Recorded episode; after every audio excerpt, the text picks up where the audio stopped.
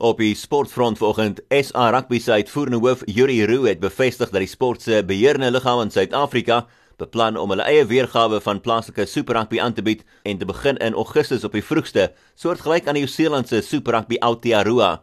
Rugby hoop om die spelers terug op die oefenveld te hê teen volgende maandag en hulle dan 4 tot 6 weke nodig om spelers gereed te kry vir kompeterende rugby. Nieu-Seeland se plaaslike Super Rugby kompetisie begin die naweek en daar sal toeskouers wees terwyl die Suid-Afrikaanse kompetisie sal moet plaasvind agter geslote deure.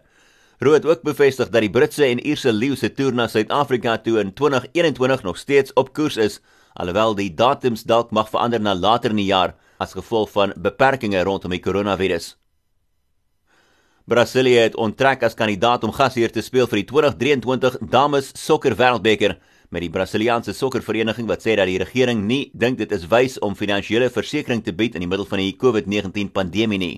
Brasilië se onttrekking beteken dat Kolumbia, Japan en 'n gesamentlike bod deur Nieu-Seeland en Australië die oorblywende aanspreekmakers is om gasheer te speel vir die 32 span toernooi.